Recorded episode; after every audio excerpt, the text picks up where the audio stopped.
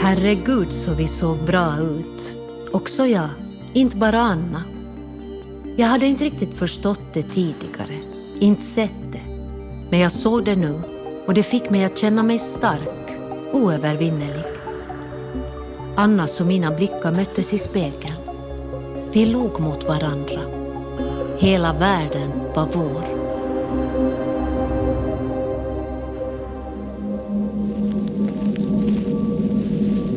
Jag kröp genom gränsbuskaget fram mot liket. Mina bara knän trängde sig in i den jordiga marken. Den fuktiga jorden trängde sig in under mina naglar, fläckade köttyxan. Drogmissbruk är ändå lite av ett tabubelagt tema inom det finska samhället och kanske det blir en sådan liksom obalans i diskussionen mellan generationerna i och med att de yngre kanske ser att man diskuterar på en annan nivå på något vis. Liksom. De ser ju att, att det inte går tokigt för alla som prövar. De ser ju att människor kan få ut någonting positivt och så här. Men sen samtidigt så, så stämmer det ju att, att det inte går bra för alla som ger sig in på sådana här vägar. Det här är programmet Första sommaren ensam i stan med droger. Maria Saaristo har skrivit en bok om ett gäng unga som söker sin egen styrka. Vad säger Saaristo själv och hur upplever då unga läsare hennes drogskildring? Välkommen till Dokumenterat, säger jag, Mi Vegelius.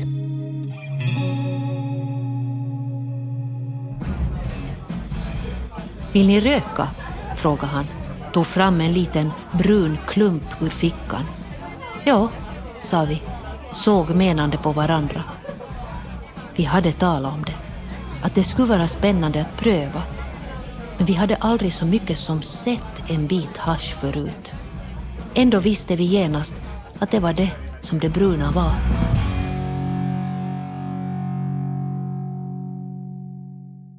När jag var ung så fick vi ständigt höra hur farligt det är att knarka.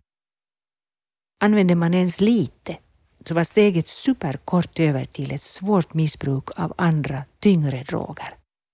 Ett fenomen som idag kallas portteorin.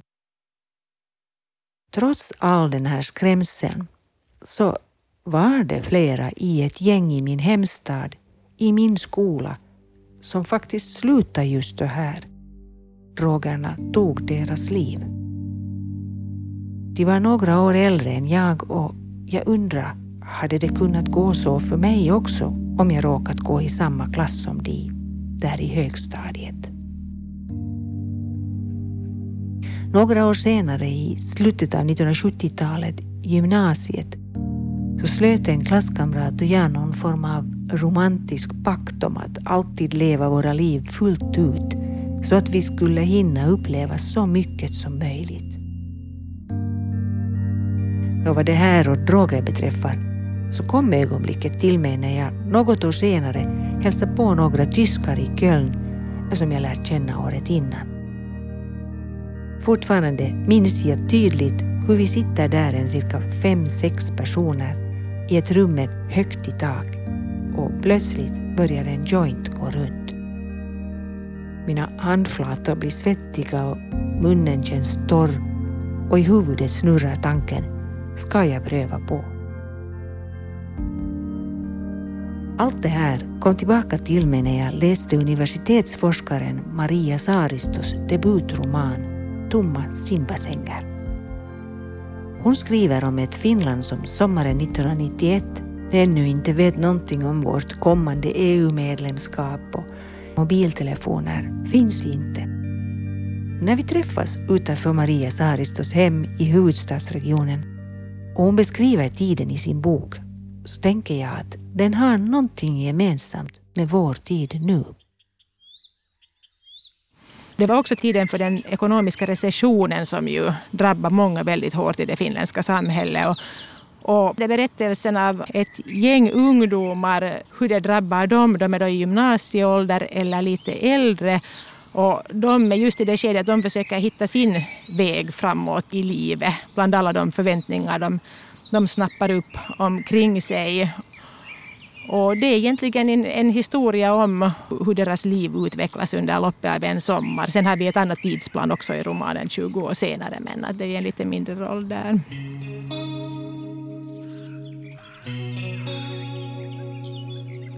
Drogerna är ju på sätt och vis den röda logiken i Sommar 1991 är uppbyggd kring utvecklingen av en addiktion och det är ju då i det här fallet en drogaddiktion som det gäller.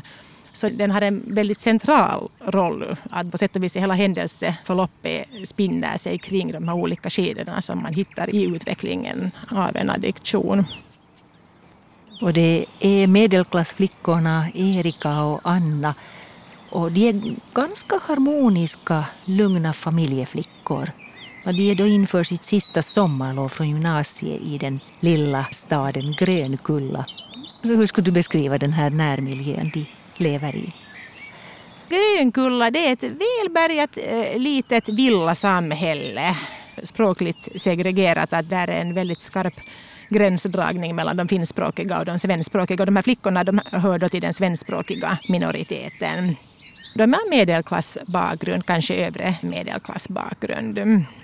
De har utrymme där var de bor omkring sig och de har nu kanske inte på det viset brist på, på fickpengar liksom, att röra sig omkring med. Men de blir ändå inte bjudna på skolkamraten Simon von Borns fest i Frivilliga brandkårshuset. Nej, det blir de inte. Och det leder ju då sen till att de söker gemenskap på annat håll och äventyr på annat håll så att säga. De känner sig kanske ändå lite utanför från den givna sociala gemenskapen som de befinner sig i.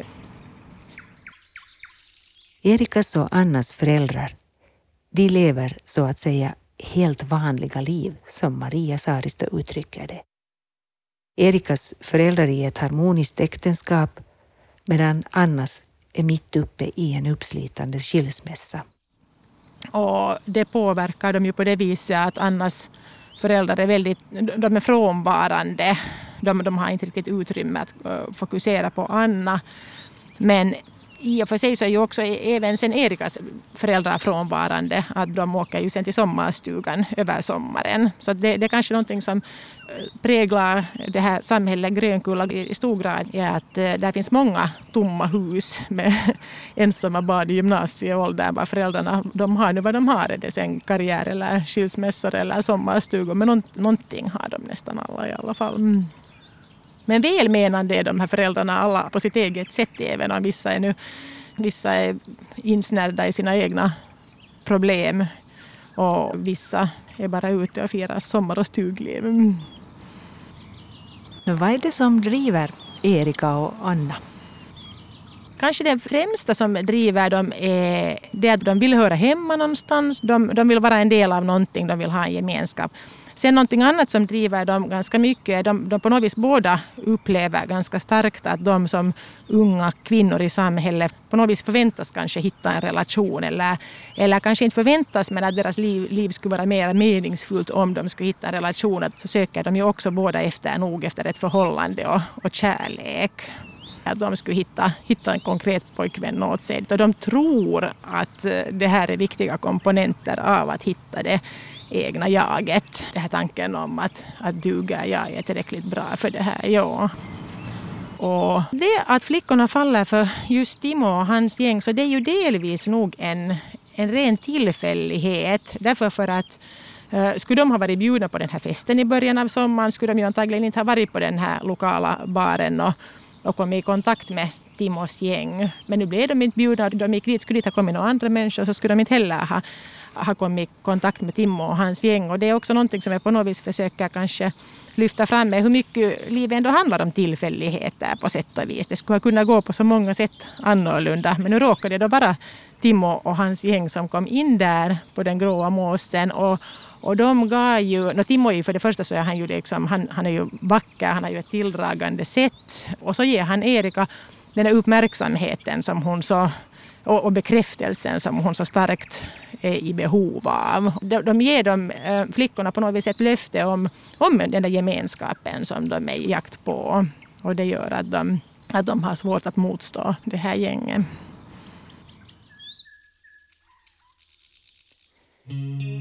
Erika och Anna röker sin första joint samma dag de möter gänget.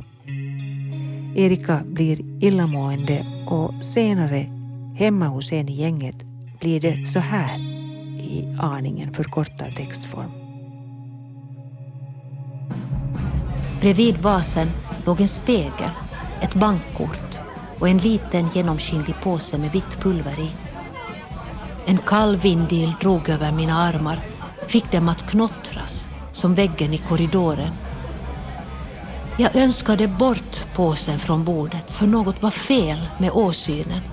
Det visste jag intuitivt. Och det var inte första gången jag drabbades av känslan att någonting var fel med den här festen. Hur är det? frågade Timo. Jag mår inte så bra, sa jag. Jag kan se det, sa Timo och lyfte min haka med sitt pekfinger, tvingade mig att möta hans blick, full av omsorg, förståelse. Det kan bli så ibland. Han strök mitt hår.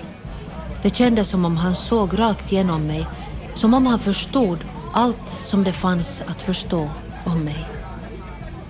Jag vet vad som hjälper, sa han.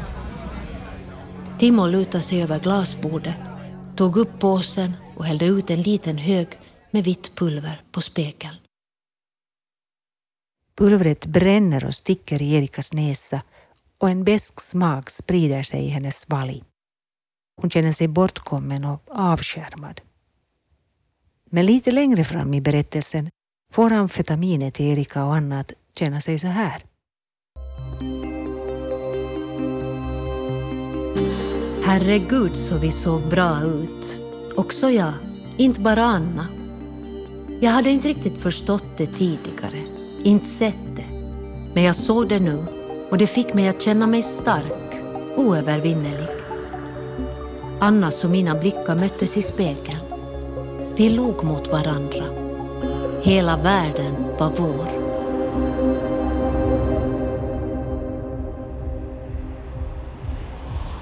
I en handvändning befann vi oss utanför Tavastia. Den rundlagda portiären i rödrutig flanellskjorta lyfte handen till stopp då vi närmade oss, som en trafikpolis. Såg på ID-korten och på oss igen. Jag log mot portiären och han log tillbaka. Vi visste alla att han inte hade något alternativ. Vem skulle inte vilja ha en superhjältinna på sin nattklubb? Välkomna sa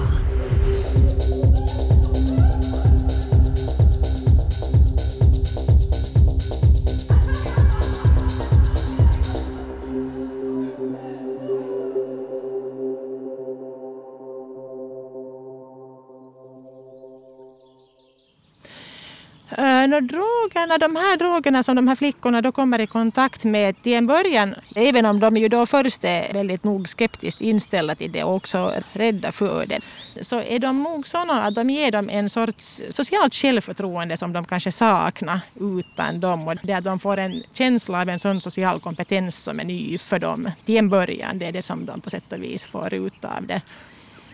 Och som på något vis är så, har en så stark dragningskraft på dem. Och när de jämför alkohol och droger kommer de så till den här slutsatsen. Tycker du inte att det är konstigt att det inte är vanligare att folk använder droger? sa Anna medan hon vevar in fiskelinan på sin Calico Cat mot stranden. Det är för att de inte vet bättre, sa jag. Tänk att någon is supa. Det tror jag inte att jag någonsin kommer att göra igen.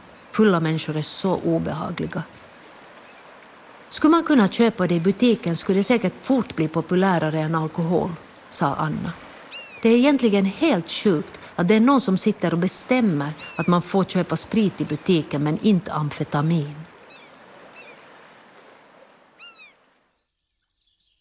Det som de ser är ju väldigt fulla människor å ena sidan eh, som slocknar och spyr och uppför sig dåligt. Och, och så ser de eh, människor som har utnyttjat Eh, någon form av uppiggande droger som kanske tvärtom verkar, sådana människor kan verka vara liksom skarpare än genomsnittet och det kan ju ge en den bilden av att det skulle vara någonting mera sofistikerat än till exempel då det att man konsumerar alkohol.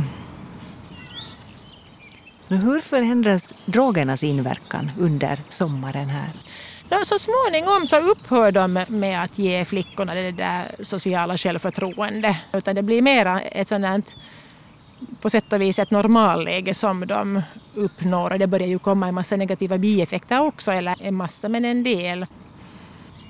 Amfetaminet så det är ju en sån drog som åstadkommer sömnlöshet och den här sömnlösheten i sig, så den kanske i sin tur då åstadkommer den här paranoian som börjar att komma fram här.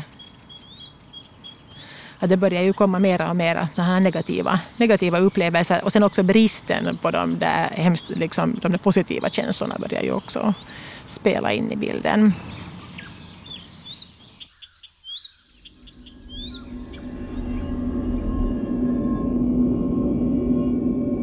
Mitt innanmäte krympte ihop av fasa.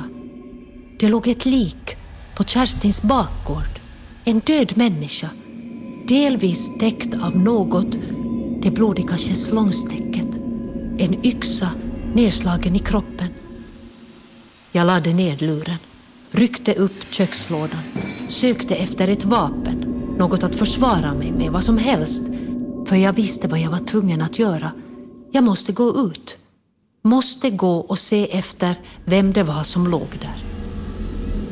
Jag slöt min näve kring köttyxans träbelagda handtag i kökslådan, vägde det tunga föremålet i min hand, lyfte upp den framför mig så att den syntes ut genom fönstret, varnade mina motståndare, öppnade dörren på glänt, steg ut i den svala sommarnatten.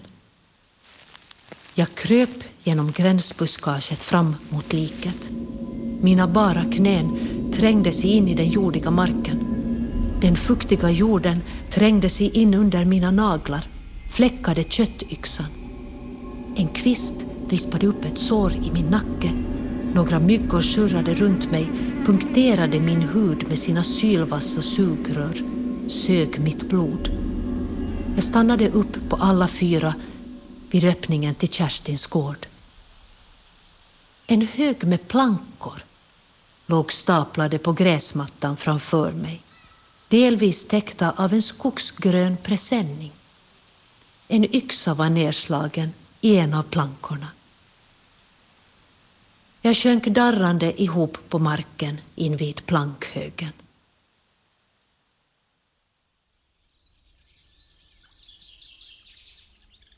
De missbrukar ju sen också diapam i den här berättelsen som är någonting som de då tar för att motverka de här negativa effekterna som sen kommer av de här drogerna. Framförallt kanske då av det här amfetaminet för att, liksom, för att det har en lugnande påverkan och också kanske då hjälper mot de här paranoida effekterna som kan uppstå.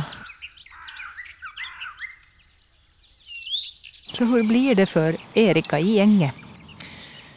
Hon hade ju hoppats på något plan att få social gemenskap ur det här gänget. Men så blir det ju ändå inte riktigt så. Det blir liksom lite så på sätt och vis så men ändå inte riktigt så att hon skulle känna att hon skulle få en genuin social gemenskap därifrån utan det känns som om drogerna går före, andra saker går före och, och hon inser att det blir inte som hon hade tänkt sig utan hon är fortfarande vilsen.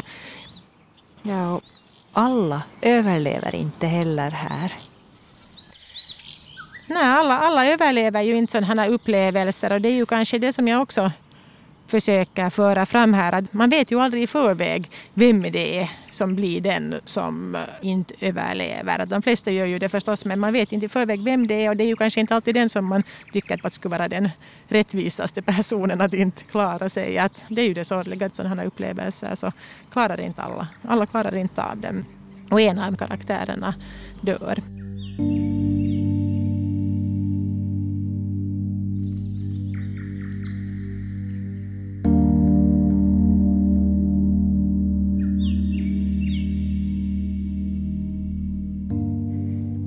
Hur trovärdigt kan Maria Saaristos verk Tomma simbassänger upplevas som av unga?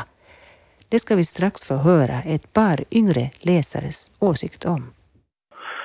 Många av mina vänner och bekanta använder mestadels cannabis, men sen det är ju speciellt om vi nu säger i, södra Finland där jag sen bodde mm, ett antal år också, så där är det ju mera kanske den här liksom festkulturen där man då använder olika slags, uh, ja, olika slags narkotiska preparat eller liksom stimulantpreparat eller psykedeliska preparat.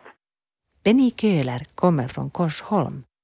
Om sig själv berättar han också att han har en bakgrund inom pressfotografi och fotografering. Nu för tiden lever han nomadliv och säger att Själv uh, använder jag cannabis från och till. Jag är för tillfället i Tyskland, bor ingenstans. Um, ehm, ja, det är avsevärt mycket liberalare i Tyskland när det gäller cannabis speciellt, men också andra substanser. Och den där användningen ses mer som någonting normalt, um, som alkohol, som kaffe, som tobak. Så att, uh, ja. Benny Köhler, vad kan du känna igen dig i, i Maria Saaristos berättelse Tomma simbassänger? No, framförallt det det roligt för mig att läsa den här boken på grund av att det utspelar sig i, i mycket i Helsingfors. Um, sen liksom det här slags beteende att det är oftast män som skaffar de här substanserna och bjuder av dem och uh, sen blir det ett sånt här uh, konstigt vridet maktupplägg och det har jag liksom upplevt egentligen i, ja, ända sedan jag började liksom hänga mera med folk som använder olika substanser och sen speciellt med, med liksom den här fest, festkulturen. Så man märker att vissa människor drar sig till de som har drogerna och sen, ja, det blir ett sånt här maktspel. Så det är liksom någonting som jag definitivt känner igen. Det här känns lite mer som en sån här skrämsel, en sån här eh, bok som visar hur, hur dåligt det kan gå. Men å andra sidan, så den här huvudpersonen i boken så, så verkar ju förstå sin läxa och lära sig någonting. Och absolut tror jag att såna här situationer, så här upplägg förekommer. I Finland om vi tänker så antagligen är det mera i huvudstadsregionen. Speciellt som det här nu att det är liksom folk som har, de har pengar, ja, allt är bra för dem så att man måste på sätt och vis skapa nya problem. Det är det här som jag ser det problemet med att vi har det lite för bra och vi har för, för, för mycket valmöjligheter. Men jo, absolut, absolut är det en trovärdig berättelse, tycker jag. Det sa Benny Köhler om sådant som han känner igen från Maria Saaristos skildring. Nu ska vi höra en annan läsare av Tomma simbassänger. En person som vill vara anonym och också få sin röst förändrad. Så det låter så här när hen berättar om det hen känner igen här. Ja, de här är ju nu 17 år. De är precis innan deras skrivningar. Och jag har också rökt cannabis då, i den åldern.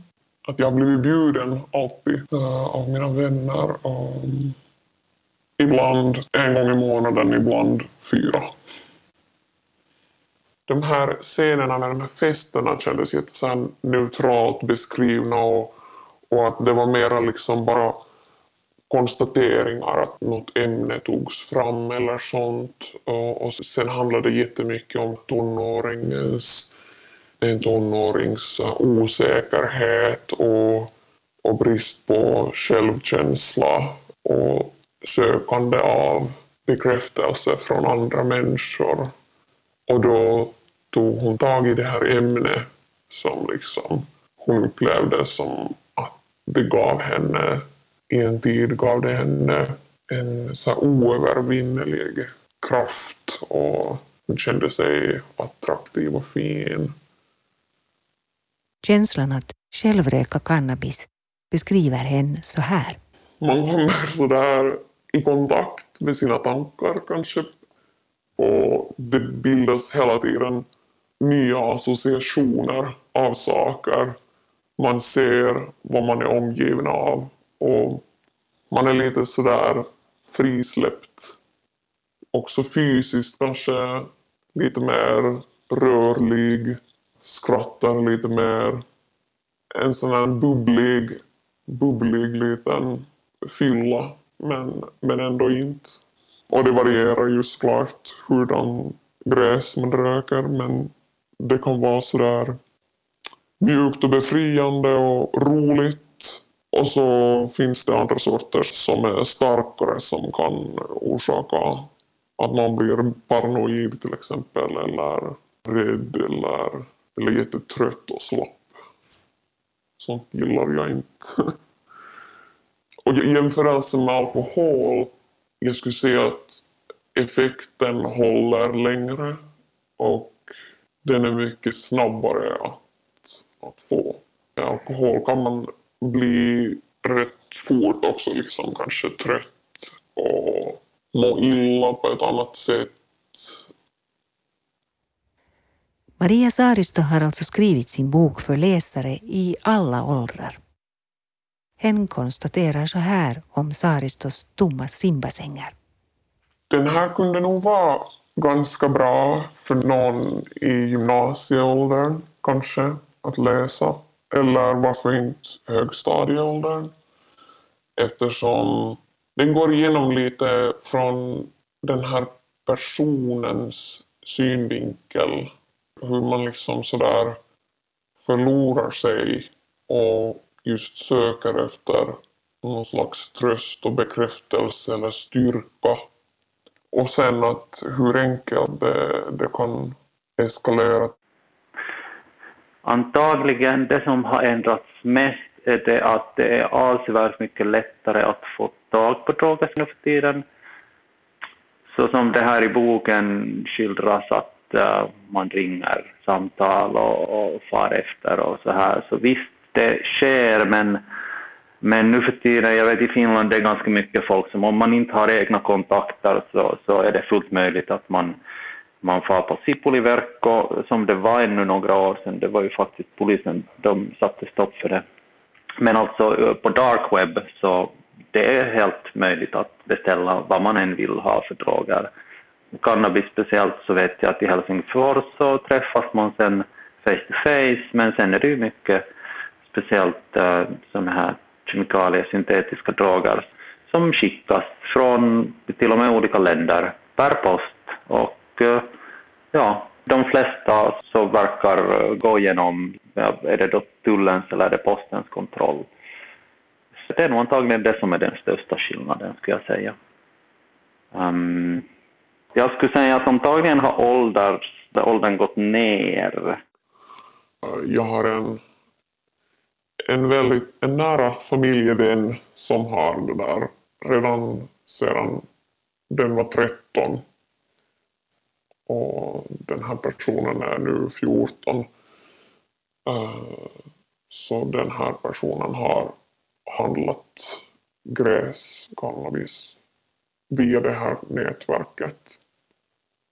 Och det chockerar nog mig väldigt jättemycket för att jag hade själv varit tre, fyra år äldre när jag för första gången var i kontakt och jag skulle inte ens ha veta varifrån. Medan nu, man behöver inte känna någon. Det finns folk som, som använder amfetamin och, och jag hade en, en kompis som, som ja, um, ja, det finns, det finns nog. Och så, så finns det bara liksom sådana fester där det har funnits liksom människor man inte känner. Bara sådant umgänge hos någon och så någon blivit bjuden dit och så är det plötsligt varje ett rum där de alla har liksom vita linjer på bordet och sådär. Um, men det är som jag inte sådär direkt har bevittnat men det är liksom bara mina vänner och så som tur har det inte någonsin hänt något illa med någon av dem. Att, att de har antagligen inte själva förbrukat det eller sen har de bara haft tur att det har varit helt ren vara. Det inte har orsakat någonting, någonting illa.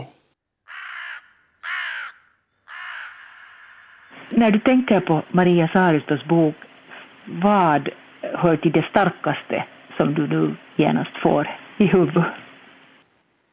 No, det som är det starkaste för mig, det som gjorde liksom den här boken väldigt intressant var uh, den här huvudpersonens inre dialog och uh, hennes till början kanske oförmåga att se vad hon sysslar med. Men sen liksom den här gången från det att hon blir superparanoid och, och så här. Så det tyckte jag var liksom, det var intressant att följa med den här inre dialogen med henne. Det som jag tycker var kanske sådär i ett stort fokus i den här boken var inte själva liksom drogrusen utan mer att den här huvudpersonen blev jätteparanoid och hon upplever såna kusliga syn och hörvillor som får henne att misstänka de här nya bekantskaperna. Och det är ganska trovärdigt. Och speciellt det, det kändes som en sådan sak att, att det är ju jätteindividuellt hur sådana saker påverkar eh, var och en. Och jag minns nog att jag också var lite paranoid eh, men inte, inte nog till den här graden. Men så tycker jag att det kanske för den generationen som är 17 eller yngre nu så är det ännu mera kanske eh, sannolikt att de prövar på sånt. Det som jag kom att tänka på när jag läste den här boken var också det att huvudpersonens föräldrar inte hade någon aning. Och inte den här bästisens föräldrar heller. Att de här vuxna hade nog ingen aning vad deras liksom, barn var med om. Och jag tror att det stämmer jättebra in på dagens läge. Samtidigt säger Benny Köhlers här om många ungas förhållande till droger idag. De tar mycket reda på och sen då liksom inser det att det vad myndigheterna gör, att ja, intentionen är den att de vill skydda sina medborgare, men tyvärr det görs på väldigt fel sätt det som man fortfarande, speciellt från polismyndigheterna, försöker och försöker och försöker säga att stämmer är det här med portteorin. Så här i ett nötskal så handlar det om det att ja, ja, du blir kanske erbjuden cannabis och sen är du mitt i allt det här med en heroinspruta i armen. Och det här är liksom komplett totalt bullshit. Man kan inte skydda människor på det sättet att man förbjuder någonting och att man ger ut disinformation. Att jag, jag tror definitivt att det har liksom den motsatta effekten. Men eh, med det här sagt så det finns alltid problemanvändare oavsett vad det lagliga um, statuset är av vad som helst för substans så kommer det alltid att finnas problemanvändare. Och det här liksom har vi perfekt exempel från förbudslagen, förbudstiden i Finland när alkohol var förbjudet. Då gick ju alkoholkonsumtionen upp och uh, det blev stor business och vi vet alla hur, hur helt enkelt idiotiskt det här var. Hur tycker du man ska förhålla sig till droger? Som, som det nu är att äh, man blir lite dömd av andra då när man liksom använder sig av någon, någon substans folk liksom vet du, pratar skit om folk som röker. Men om du vill röka så är det helt ditt eget val att röka. Det handlar mer om det här hur man själv ser på sin substansanvändning. Ser man det som ett problem eller ser man det som någonting som faktiskt ger, um, ger liksom mervärde till ens uh, existens? Om jag får ångest av det, så då är det ju ett beteende som inte är liksom bra för en. Och då måste man ju inse att det här måste jag bryta. Och visst, det är ju inte lättast att bryta sånt, sådana här beteenden, men eh, det finns väldigt mycket bra metoder till sånt. Och man måste hjälpa varandra sen. Och det som förstås hjälper är att prata om det. Men det handlar också sen om eh, No, Johan Hari har en jättebra liksom, bok som heter Lost Connection som egentligen handlar om depression. Att det grundar sig i depression oftast det här det här eh, uh, beroendebeteende för de flesta. Att tabubelagt så det, det bör det ju absolut inte vara. När Maria Saaristo säger att droganvändning har varit ett tabubelagt tema i Finland, och, och kanske är det. Håller du med? Jag håller nog med. Jag tror att nu för tiden läser man hela tiden sådana citat och, och artiklar att alkoholkonsumtionen går ner och ungdomen är inte intresserad av alkohol. Men jag skulle säga att det har bara skiftat till att de experimenterar med, med gräs och droger istället. Och det, jag, jag tror nog det är ett tabu. Och um, att människor som också uh, förbrukar droger får liksom en stämpel att de är liksom någon slags missbrukare. Det blir liksom genast ett dåligt rykte. Även om det inte i varje enskilda fall skulle vara liksom nödvändigt att just trampa ner på de här människorna. Jag tror det saknas åtminstone frågeställningen varför folk vänder sig till det. Är det för underhållning? Är det för att dämpa någon sorg eller trauma? Eller är det ett beroende? Jag kan tänka mig att det finns jättevarierande historier och olika slags behov. Och jag tror på att, att vissa kan nog hitta hjälp. Det finns ju massa undersökningar om till exempel psykedelers liksom, nytta i, i psykologi. Eller cannabis för smärtlindring. Och också den här nya utmaningen med det här att det går så lätt att få tag på det på nätet. Helt anonymt och, och människor i vilken ålder som helst. Att det är någonting som, som borde på riktigt vara alarmerande och att man kunde börja bevaka det på andra sätt eftersom de som säljer inte bryr sig vem det går till det borde diskuteras och det borde tas som ett faktum att det förbrukas mycket mer och det är mycket vardagligare än man tänker sig.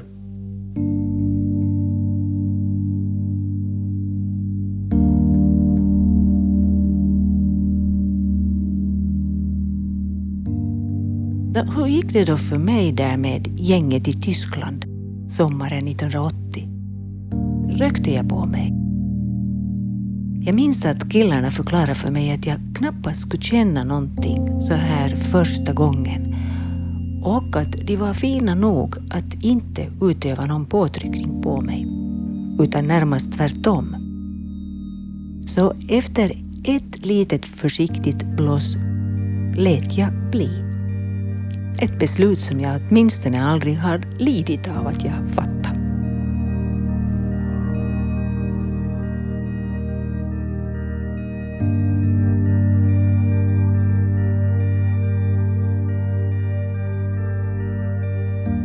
Sista ordet, det går nu till författaren av Tomma simbassänger, Maria Saharisto. Hon understryker att det kanske saknas saklig diskussion många gånger kring tema drogmissbruk. Och det kanske i alla fall är en negativ sida med den här att tema har varit så pass tabubelagt här i Finland att kanske det saknas lite sån, sån diskussion som kanske skulle ändå gynna unga som är i en så kanske mer sårbar position än andra i de här frågorna i alla fall i samhället.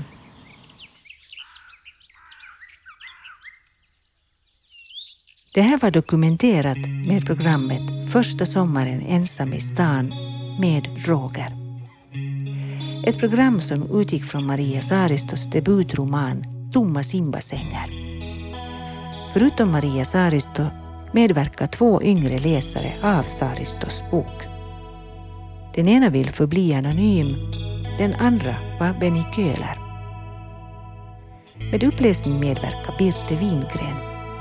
Ljudarbetet gjordes av Mikael Grönros. Producent Staffan von Martens. Och det här var ett program av mig, Mi Vegelius.